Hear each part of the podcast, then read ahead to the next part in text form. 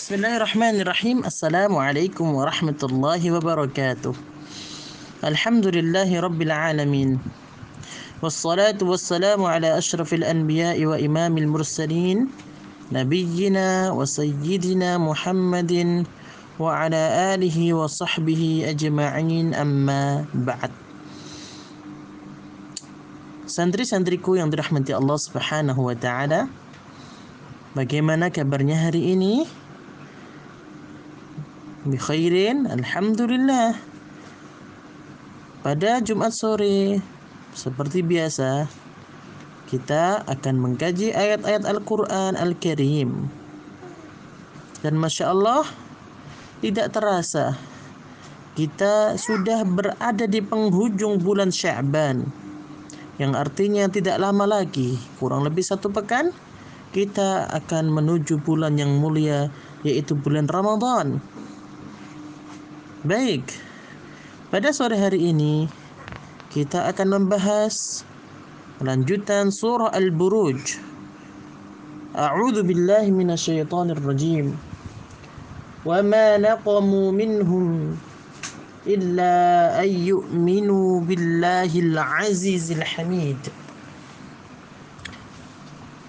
Pada ayat ini Allah Subhanahu wa taala menjelaskan bahwa raja dan para pasukannya yang menggali parit tidaklah mereka menyiksa bahkan membunuh orang-orang yang beriman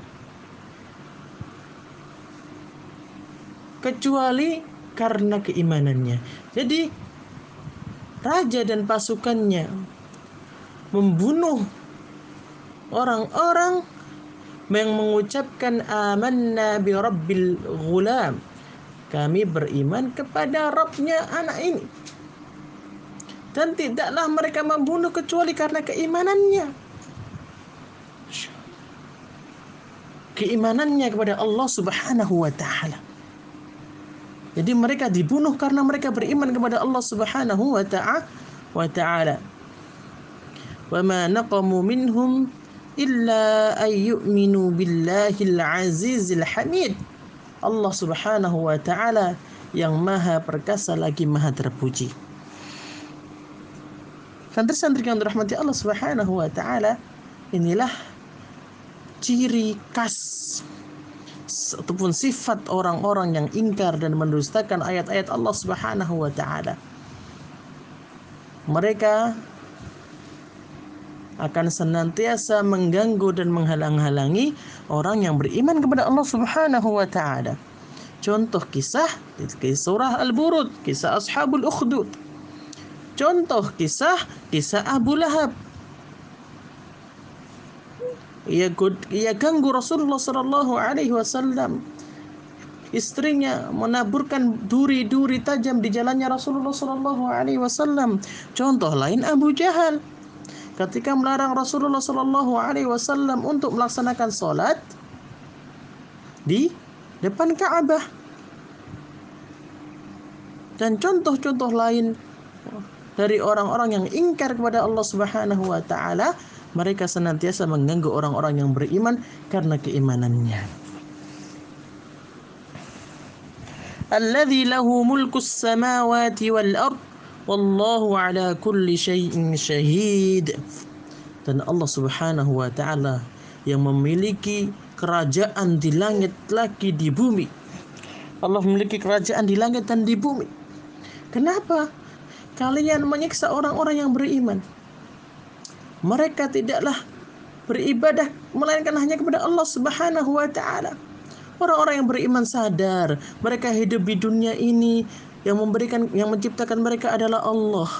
Yang memberi segala macam kenikmatan di dunia ini hanyalah Allah Subhanahu wa taala. Langit seisinya dan bumi seisinya hanyalah milik Allah Subhanahu wa taala. Maka mereka hanya mau menyembah kepada Allah Subhanahu wa taala. Loh, tapi orang-orang yang ingkar kepada Allah mengganggu mereka, menyiksa mereka, dan bahkan memerangi mereka dan bahkan membunuh orang-orang yang beri, beriman.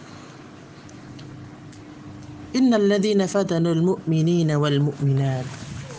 Sungguh orang-orang yang mengganggu orang-orang yang beriman kepada Allah Subhanahu wa taala. Orang-orang yang mengganggu orang-orang yang beriman kepada Allah Subhanahu wa taala kemudian tidak tobat.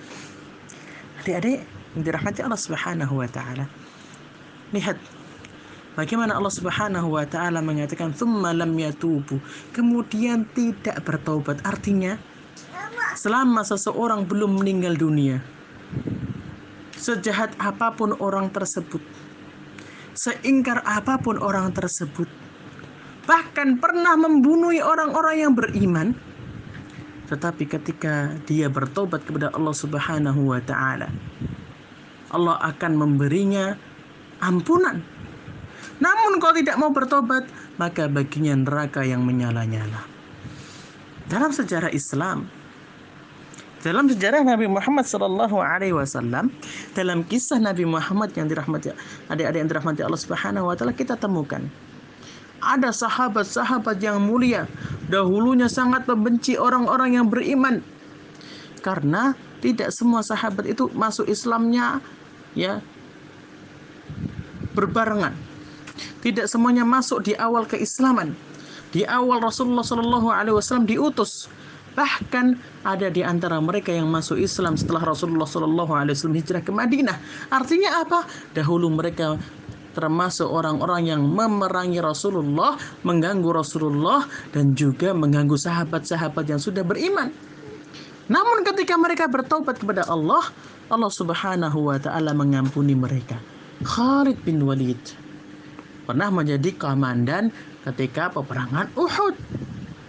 Di peperangan Uhud itu banyak dari kaum muslimin yang terbunuh.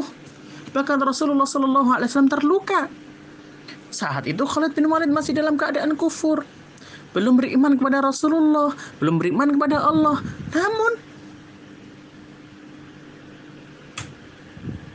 beberapa tahun setelahnya kemudian Khalid bin Walid pun masuk Islam dan menjadi seorang pribadi muslim yang baik, seorang mukmin yang baik.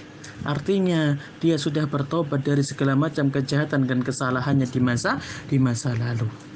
Orang yang bertobat Allah akan ampuni. Namun orang yang mengganggu kaum mukminin, orang yang menzalimi kaum mukminin, namun tidak bertobat baginya siksa dari Allah Subhanahu wa taala. Demikian adik-adik yang dirahmati Allah Subhanahu wa taala, materi tarbiyah kita pada sore hari ini semoga bermanfaat. Walhamdulillahirabbil alamin. Wassalamualaikum warahmatullahi wabarakatuh.